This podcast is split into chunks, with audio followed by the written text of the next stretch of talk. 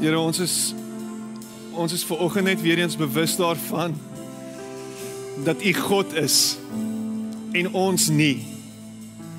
Dat U alles sien en alles weet en ons nie. En ten spyte van dit, ten spyte van die grootheid, ten spyte van U verhewendheid, Here maak U ver oggend moeite met ons. Kom staan U stil by ons. Kom hou U ons styf vas. Omvou U ons met U liefde en U genade. Here, U draai nooit U rug op ons nie. Here, U stap nooit weg van ons nie. Here, U is met ons, U is by ons. U is lief vir ons. En vanoggend kyk ons met groot verwondering na U en sê dankie dankie Vader dat ons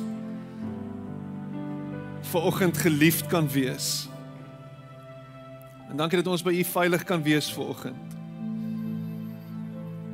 Here, dankie dat U woord met ons praat. Dat ons hier uitstap vanoggend met die wete dat ons 'n ontmoeting met U gehad het. En ek bid dit in Jesus naam. Amen. En amen. Baie dankie. Jy mag jou sitplek neem.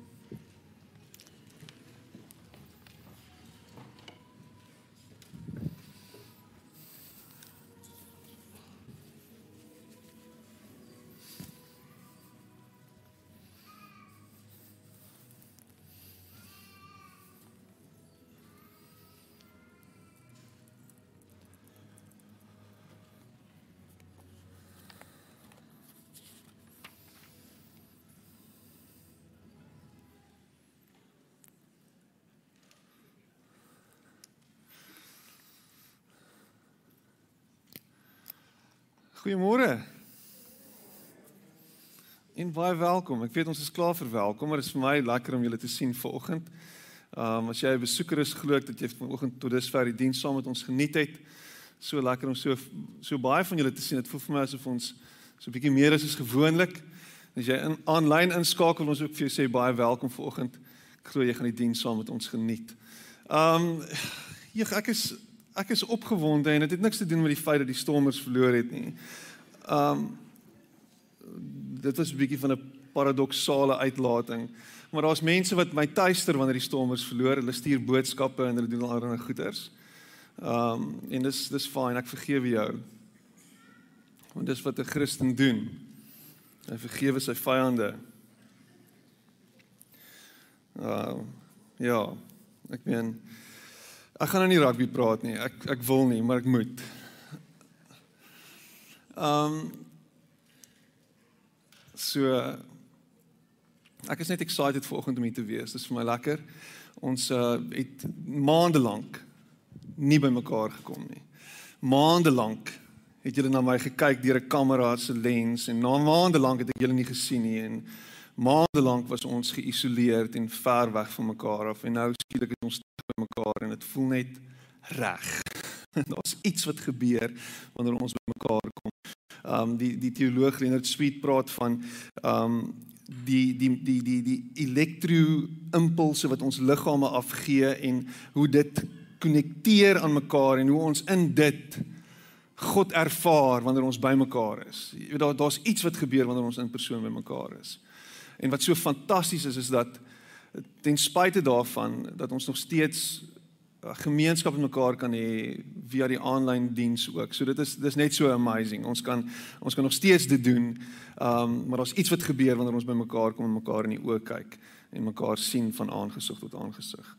So hierdie afgelope tyd het ek net bewus geword daarvan dat die wêreld aan vlaarde is en dat daar allerlei goeders aangaan en dat baie wêreldleiers wat ons vandag sien op van die grootste podiums um eintlik mense is wat net nog nog nie rarig groot geword het nie. Mense wat rarig net na eie belang kyk, mense wat net na hulle self kyk, mense wat heeltyd in die spieël kyk en kyk hoe amazing ek is en hoe ek hierdie ding my krag en my mag gaan afdwing op ander. En in in in in die in die Jesus manier is juis die teenoorgestelde manier. Die Jesus manier is 'n is 'n onderste bo manier. Die Jesus manier is is ek nie eerste nie, is ek in die agtergrond. Is ek laaste. Dis jy eerste. Dis die Jesus manier. Die Jesus manier is altyd ek laaste. En wanneer jy met kinders te doen het en ek weet nie of jy dit opgelet het en of jou kinders ook so is nie, maar kinders het so inherente manier om baie selfgesentreerd te wees en na hulle self te kyk en heeltyd hulle self eers te stel. Of is dit net my kinders wat so selfgeabsorbeerd is en selfsugtig is. Maar daar's daar's daar's 'n daar's daar's 'n daar's 'n groei wat plaasvind by 'n kind om uiteindelik minder en minder selfsugtig te wees. En ek sien dit nou by ons jongste.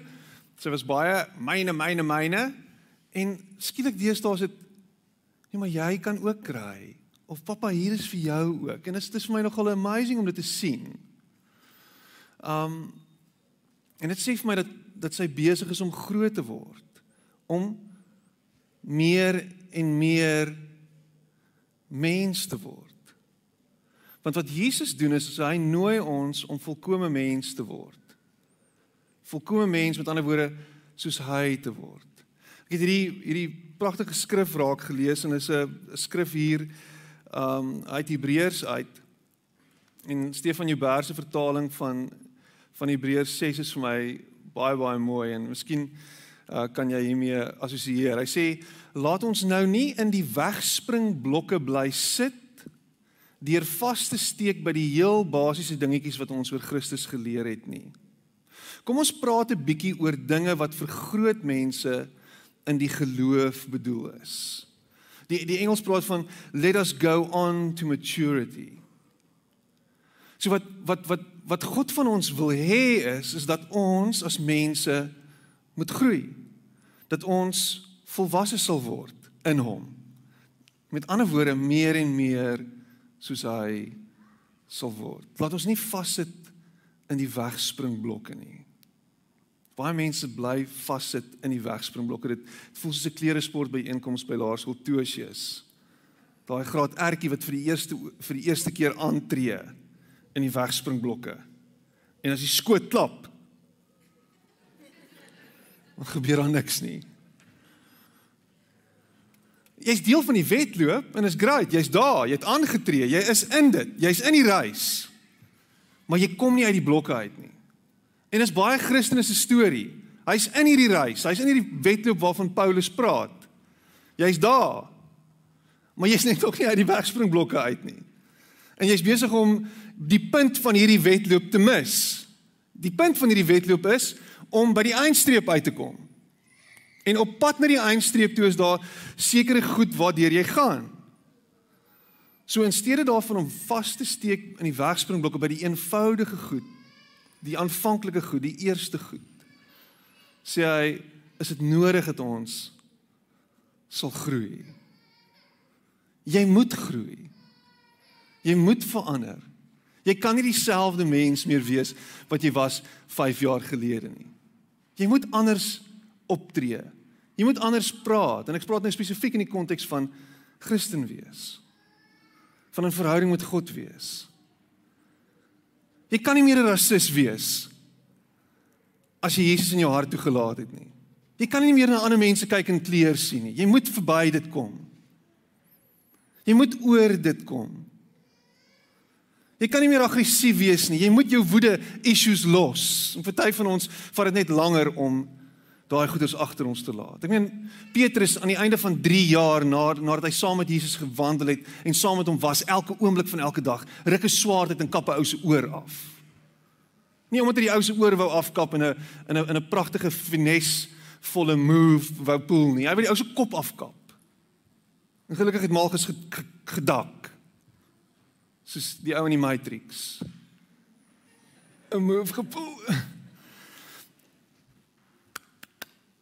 3 jaar. Maar dan sien jy later hoe hy meer en meer volwasse word. Meer en meer soos Jesus lyk like, en meer en meer soos Jesus klink en uiteindelik sy lewe gee en gekruisig word en sy lewe verloor.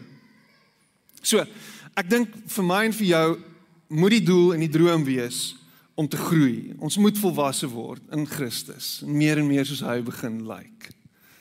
En daar's 'n paar goed wat ek ver oggend met jou wil deel en so vyf vyf goedjies wat ek met jou wil deel oor wat dit beteken om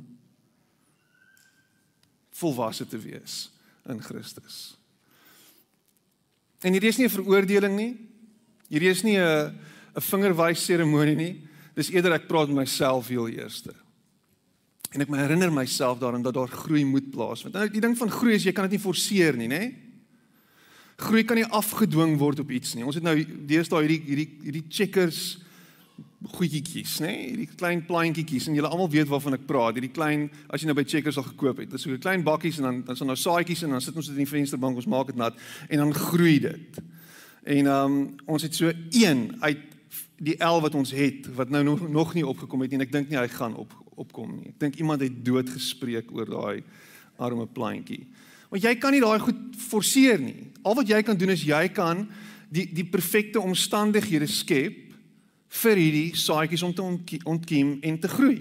Dis wat jy doen. Jy gee die goedjies water, jy sit hulle in die vensterbank dat hulle 'n bietjie son kry sodat hulle kan groei. Jy kan nie 'n kind forceer om te groei nie. Dis 'n proses. Dis 'n proses. Dit vat 'n tyd. Maar jy kan jouself in posisie plaas sodat die omstandighede goed is vir jou groei. Waarmee hou jy jouself besig? Wat is die goed waarmee jy jouself voed? Wat is die goed wat jy heeltyd kyk? Wat is die goed waarna jy luister? Wat is die goed wat jy lees? Wat is daai goed? Want as daai goed nie wholesome is nie, as daai goed nie voedsaam is nie, gaan dit uiteindelik lei tot oh, ek wil sê McDonald's syndroom. Dit is nie gesond nie. Cholesterol gaan uitwees. Gewig gaan bietjie anders lyk like, as wat dit moet wees. Anyway, so. Kom ons gaan aan. Ek wil nie lees jou Bybel bid elke dag sing nie, maar daai is nogal relevant. 'n 'n volwasse mens in Christus is is positief al maak dit nie sin nie. En ons gaan aan die hand van Jakobus lees en Jakobus is regtig 'n treasure trove vir vir geestelike volwassenheid. As jy ooit Jakobus gelees het, die broer van Jesus. Ja, hy hy praat 'n klomp sinvolle goed en in in partykeer voel dit asof dit en, en en baie ouens wat nie van van van Jakobus hou nie sê ja, maar hy's baie ingestel op werke wat jy moet doen. En ek is ek is nie so seker daarvan nie. Ek dink net hy's besig om te verwoord hoe 'n Christen veronderstel is om te lyk like, en is iets om na te streef. So jy gaan vanoggend 'n paar goed hoor wat uh jou dalk net so bietjie gaan stretch. En en en en die die die die eerste ding en ons gaan oor Efesiërs 4 vers 13 tot 16 spring en ons gaan Jakobus 1 toe. Hy sê my broers, julle moet baie bly wees wanneer julle allerlei beproewings wanneer allerlei beproewings oor julle kom, want soos julle weet, as julle geloof die toets deurstaan het, stel dit julle in staat om te volhard. En die volharding moet eintlik volgehou word sodat jy tot volle geestelike rypheid kan kom sonder enige tekortkoming. Nou ek hierdie hierdie vers het die afgelope paar weke heeltyd opgekom in my prediking.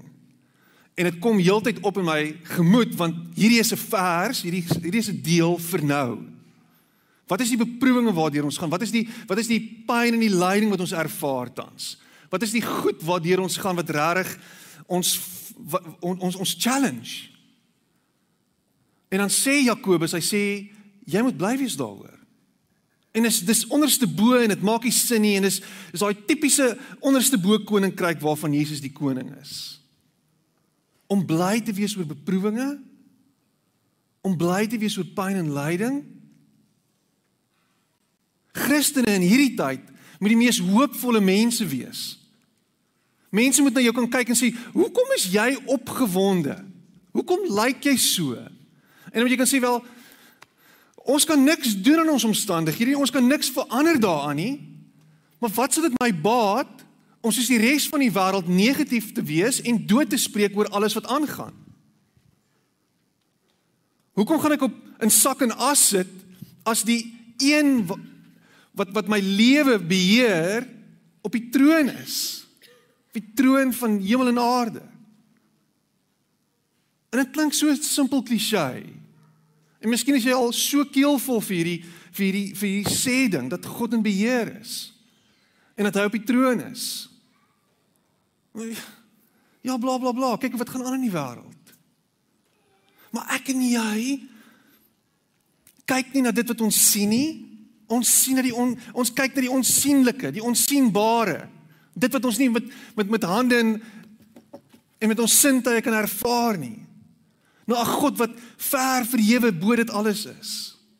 Hy is ons hoop. Hy is waarin ons vashou. Want ek sê vir jou, ons kan waaragtig nie vashou aan die hoop van hierdie wêreld nie. Ons kan waaragtig nie vashou aan dit wat aangaan in hierdie wêreld nie. Dis 'n baie sterk woord, ek is jammer daarvoor. Maar hierdie wêreld en sy fondasies is geskit en geruk.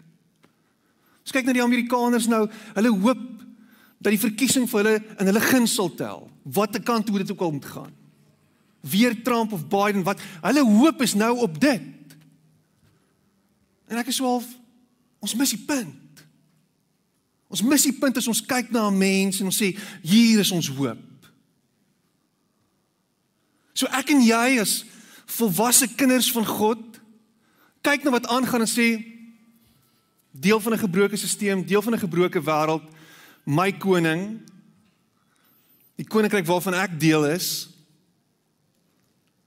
my lewe behoort aan hom en niks wat aangaan in hierdie wêreld gaan my skud nie.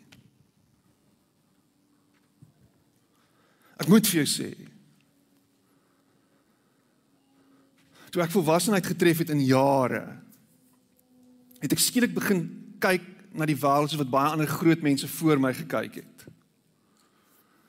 Die ekonomie het skielik vir my iets begin beteken, rentekoerse het skielik vir my iets begin beteken.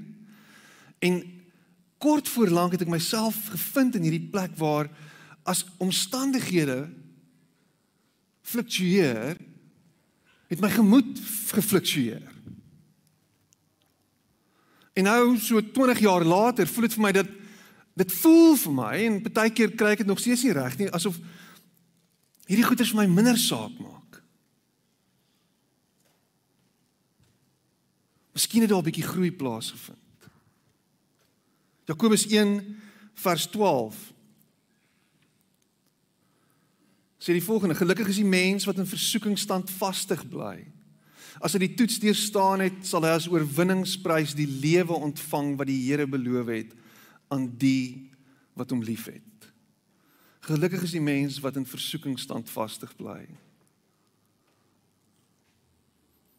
En die beste van alles is en ons gaan net dit sien en ek wil net so 'n bietjie hoop gee, is as jy vir God vra om by jou te wees As jy met hom praat, as jy in gebed na hom toe kom, gebeur daar iets. Dit is so beautiful dat God vir ons die genade en die krag gee om juist die goed wat hy sê ons moet doen, te kan doen. Hy sê doen dit, maar ek sal jou help om dit te doen. As ek tot hom nader, dan sal hy tot my nader. Maar baie van ons is so half nee. Ek wil nie. Hoekom nie? Kyk wat gebeur as jy dit doen. Die 'n tweede ding wat wat 'n volwasse Christen ehm um, openbaar en wys is is is hierdie is vir my 'n 'n belangrike een is om liefdevol te wees teenoor ander mense om na ander mense te kyk deur 'n lens van liefde. Hierdie is 'n moeilike een. Ek sien die uitlatings wat mense op sosiale media maak as 'n sekere politieke leier weer geleide maak. Ek hoor hoe hoe mense praat van mense wat nie soos hulle is nie en nie soos hulle dink nie. En dan is dit Christene. En dan wonder ek by myself sien God daai mens, daai persoon soos wat jy daai persoon sien? Want as God nie daai persoon sien soos wat jy hom sien nie.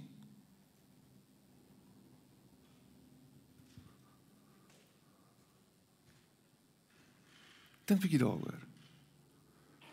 Dink 'n bietjie oor wat se hoop is daar vir my en vir jou as God na ons kyk en hy kyk nie in liefde na ons nie. Wat se hoop is daar vir my en vir jou as hy na ons kyk deur die filter van ons optrede en hoe ons is en wat ons doen? Sal jy dit glo dat God vir die grootste krimineel lief is? Kan jy dit glo dat God vir die grootste grootste rampokker of rasis lief is? Vir die moordenaar? Vir die verkragter? Is is is God lief? As hy vir hulle lief is, dan is hy vir jou ook lief. En ek en jy moet leer om soos hy lief te hê. Jakobus 2 vers 8 sê as jy werklik die wet van die koninkryk van God onderhou, soos in die skrif staan, jy moet jou naaste lief hê soos jouself, dan doen jy reg. Die grootste gebod natuurlik is om die Here jou God lief te hê met jou hele hart, met jou hele verstand en jou naaste soos jouself. Dit word van ons verwag. En jy sien iemand se wasdom in die maniere met ander wat nie soos hy is nie, nie soos hy dink nie, wat nie soos hy praat nie, wat nie soos hy optree nie. Hoe hy optree teenoor hom. Brad Jerzak sê hierdie uh ongelooflike ding. Hy sê put kindness ahead of faith because unkind faith is rancid. Put kindness ahead of faith because unkind faith is rancid. Rancid beteken vrot en sleg en stink. En hy hy hy hy vat dit terug na 1 Korintiërs 13 toe in in Paulus aan die woord, een van die mooiste stukke in die Bybel. Hy sê en al het ek al die geloof om berge te versit, maar ek het geen liefde nie, dan is ek niks. Dan is ek niks. Al het ek die geloof om berge te versit. Weet dan baie van ons dink hoe groter ons word in in die Here en hoe hoe hoe hoe hoe meer volwasse ons word in hom, hoe hoe sterker word ons. En en en hoe groter word ons statuur, ons geestelike statuur en ons kan dinge doen en ons kan dinge sê en ons ons lewe hierdie amazing lewe wat ons mense voorhou en tree op in geloof, nou met klein met vry met die hele storie. En al wat Paulus sê is al daai goeders beteken niks as jy nie liefhet nie.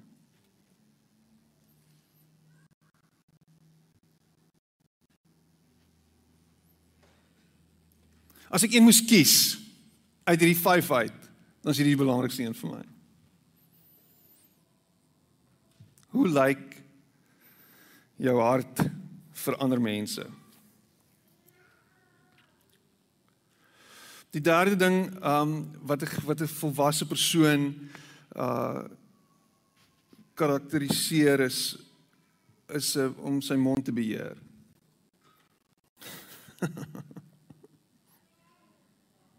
beheer jou mond. Hoe praat jy? Hoe klink jy? Ha?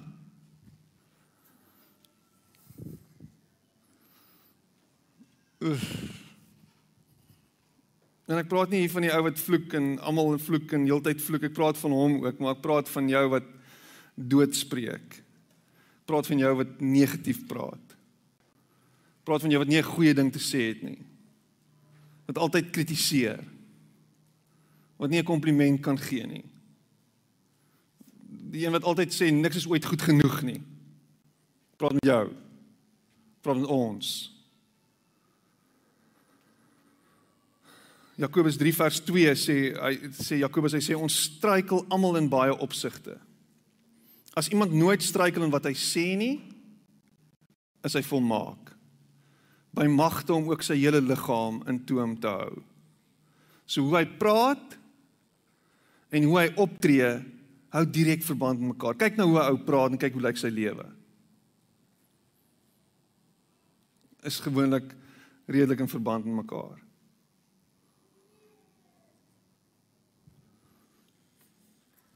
Efesiërs 4 vers 29.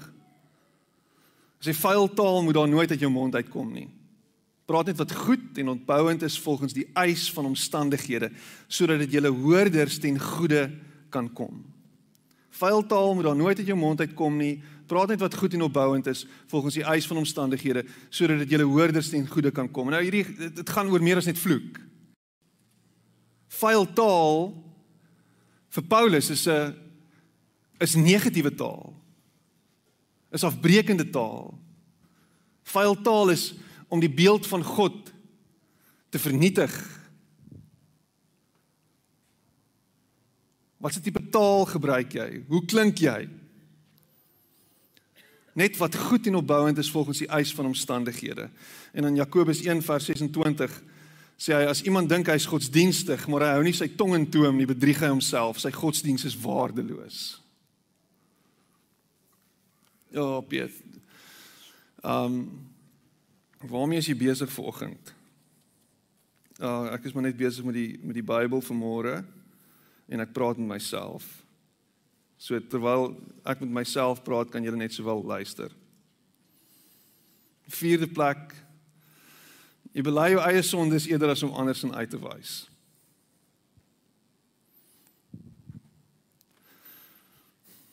Die Moody, Moody sê die volgende, hy sê I've had more trouble with myself than any other man I've ever met. Die Moody, 'n baie bekende prediker sê hy ken homself. Hy weet dat hy die grootste issue het. Hy is die ou wat na homself eers te kyk. En enige situasie waarin jy jouself bevind en ons sien dit baie keer, jy ontmoet iemand jy jy hou nie van hierdie persoon nie en en jy jy jy oordeel hierdie persoon onmiddellik op grond van 'n klomp goed. En eintlik is dit jou eie issues wat jy projekteer. Eintlik is dit jouself wat na die oppervlakte gekom het. Eintlik is dit omdat jy self nie vrede gemaak het met jouself nie en met die goed wat hier binne aangaan nie in die donker kant. Het so 'n manier om elke nou en dan net uit te kom. Matteus 7 vers 1 tot 5. Jesus aan die woord. Hy sê moenie so gou fout fout vind nie. As jy ander mense links en regs veroordeel, gaan God eendag presies dieselfde met jou doen. Waarom is jy so haastig om foute in ander mense se lewe uit te sniffel terwyl jy blind is vir al die sondes in jou eie lewe? Waarom sien jy so gou die kleinste splintertjie in jou vriend se oog raak terwyl hy terwyl jy blind is vir die groot houtstomp wat in jou eie oog vassit. En dan waag jy dit so ewe om vir jou vriend te sê, "My ou broer, kom dat ek gou daardie splintertjie uit jou lewe wegvat sodat jy weer reg kan leef." Maar jy sien nie die groot foute in jou eie lewe raak nie. Jou skyn heilige. Haal eers die houtstomp uit jou eie oog uit, dan sal jy goed genoeg kan sien om daardie klein splintertjie uit jou vriend se oog te haal. En al wat Jesus sê is kyk eers na jouself kyk heeltyd na jouself. Wees besig met jouself. Here help my. Ek het U nodig. Here kom wys U vir my wat hier aangaan. En die oomblik wanneer jy met so 'n tipe van ingesteldheid na jouself kyk, kyk jy na ander mense met baie meer empatie en jy het skielik 'n verstaan vir hulle situasie en vir hulle omstandighede en vir en vir dalk vir hoekom hulle so optree. Elkeen van ons is besig om 'n geveg te te veg waarvan jy weet ons eintlik niks weet nie. Enigiemand anders er niks weet nie. En die wêreld lyk soos wat hy lyk omdat ons heeltyd besig is om vinger te wys. Heeltyd besig om vir ander hulle foute uit te wys. Sonder om na onsself te kyk. En net diep in hart in die spieël te kyk en te sê Here, wys my. Wys my. eerder as wat ons in 'n klipgooiery betrokke raak.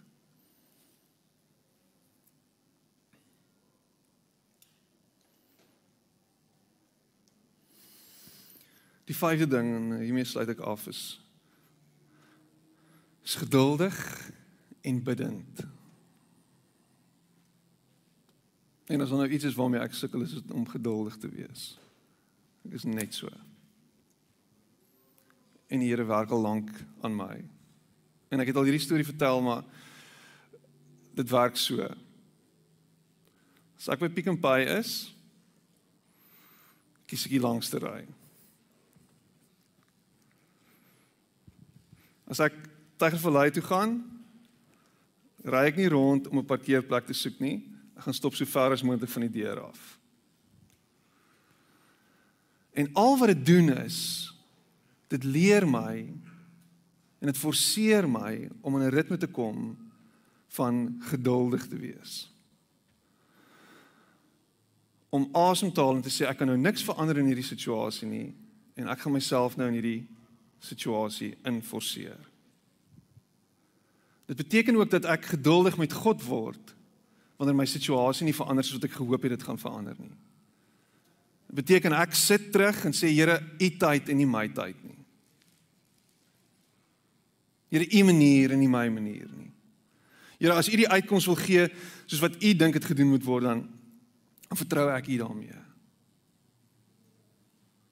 Om geduldig te sit. En in jou geduld bidend te wees te sê Here ek vertrou op U. My vertroue sal altyd op U wees en nie op myself nie. Om altyd te kyk na die hoop wat U vir my gee en vir my bring. Luister wat sê Jakobus hier in Jakobus 5 7 en 11. Hy sê wag dan geduldig broers totdat die Here kom.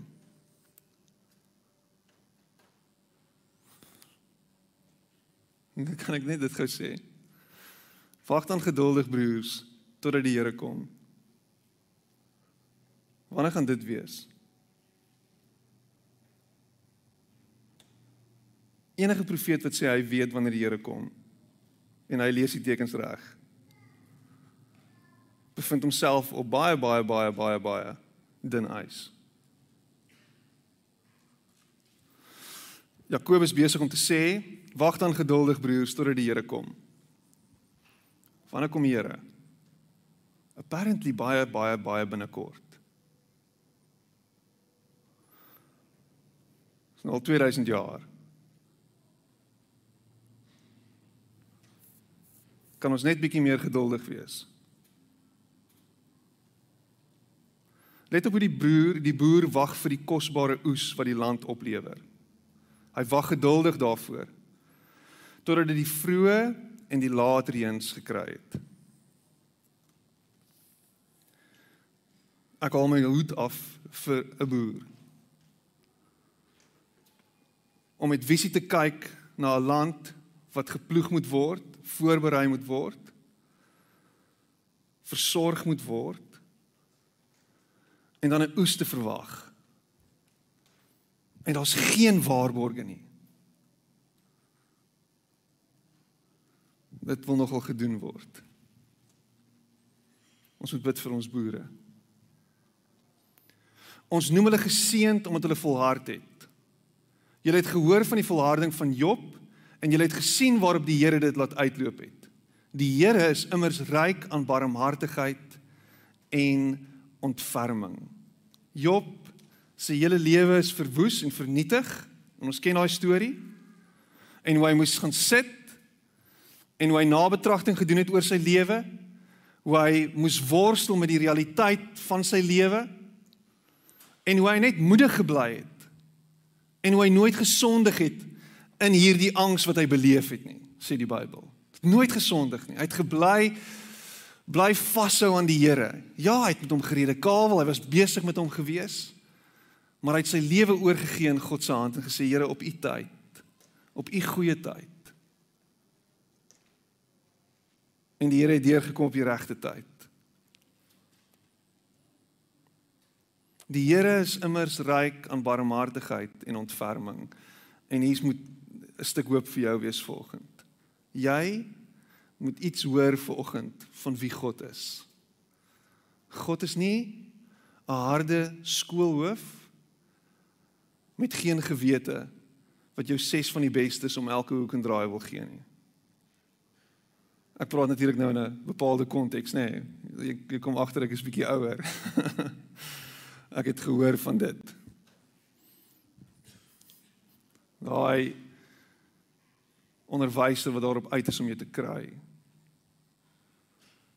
Dis nie wie God is nie. Hy's barmhartig. En hy ontferm homself oor jou in jou gebrokenheid, in jou seer, in jou pyn, in jou lyding en jou smart. Daar waar jy gefouteer het, kom hy na jou toe en hy sê hier is ek. En hy sal jou herstel op sy goeie tyd en hy sal jou terugsit op 'n beter plek, maar op sy tyd.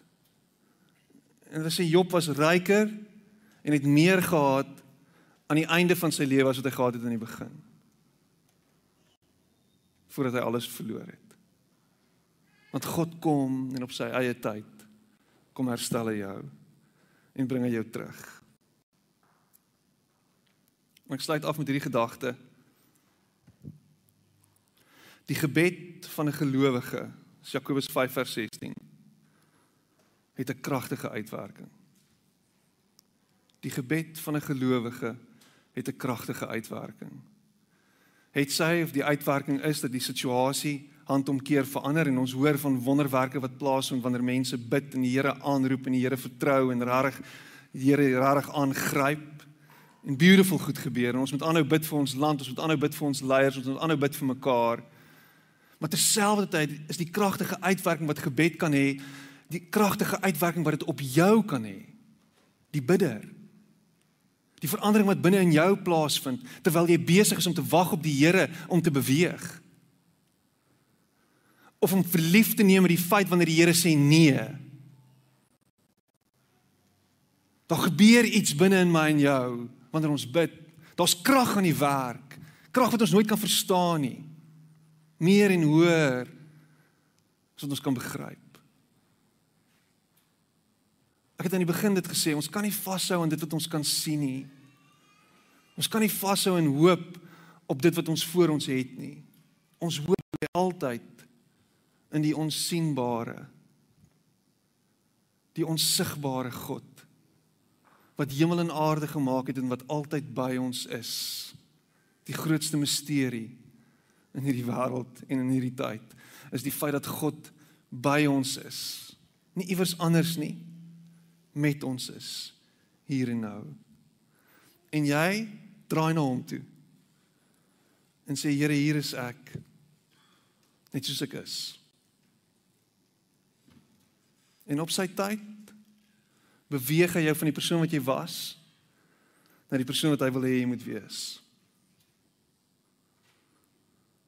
En miskien moet jy jouself elke dag herinner daaraan. I am a work in progress. En miskien moet jy so nou en dan na iemand draai wat naby jou is en vir jou sê en vir hom sê, hoorie, ek herinner jou net daaraan dat ek nog ek is nog ek is nog in aanbou, under construction. Die Here is nog besig met my.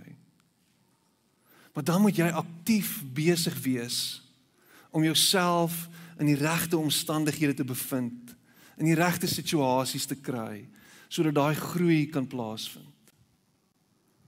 Om jouself te wend na dit wat goed en mooi en reg is. Om jouself en jou gesig te draai na die lewende God. Daar's hoop vir jou. Jy kan verander.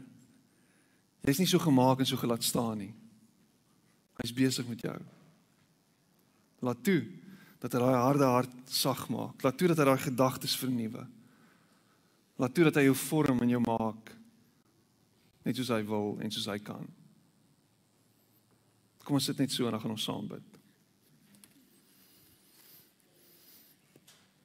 Here, ons kom na U toe in hierdie oomblik. En ons wil vir U dankie sê dat U besig is met ons. Dat U ons nooit op sy skuif en sê is nou klaar met ons nie. Dat U nooit wegstap van ons af en sê ek is nou moeg gepraat nie.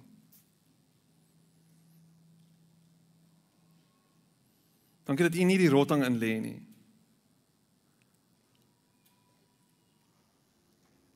Maar dankie dat U aanhou en aanhou en aanhou. Here, en vandag sit ons hier voor U en sê vorm ons en maak ons net soos U wil. Doen U U wil in ons lewens, Here. Net U wil, nie my wil nie. Here, ek is die pottebakker. Ek is die klei, U is die pottebakker. Kom vorm ons en maak ons. En daai dele van ons, daai grouwe dele, daai seer en stikkende dele, dankie dat U besig is om te skaaf en te skuur en heel te maak en reg te maak. Dankie dat U besig is om te herstel. Ek loof U daarvoor.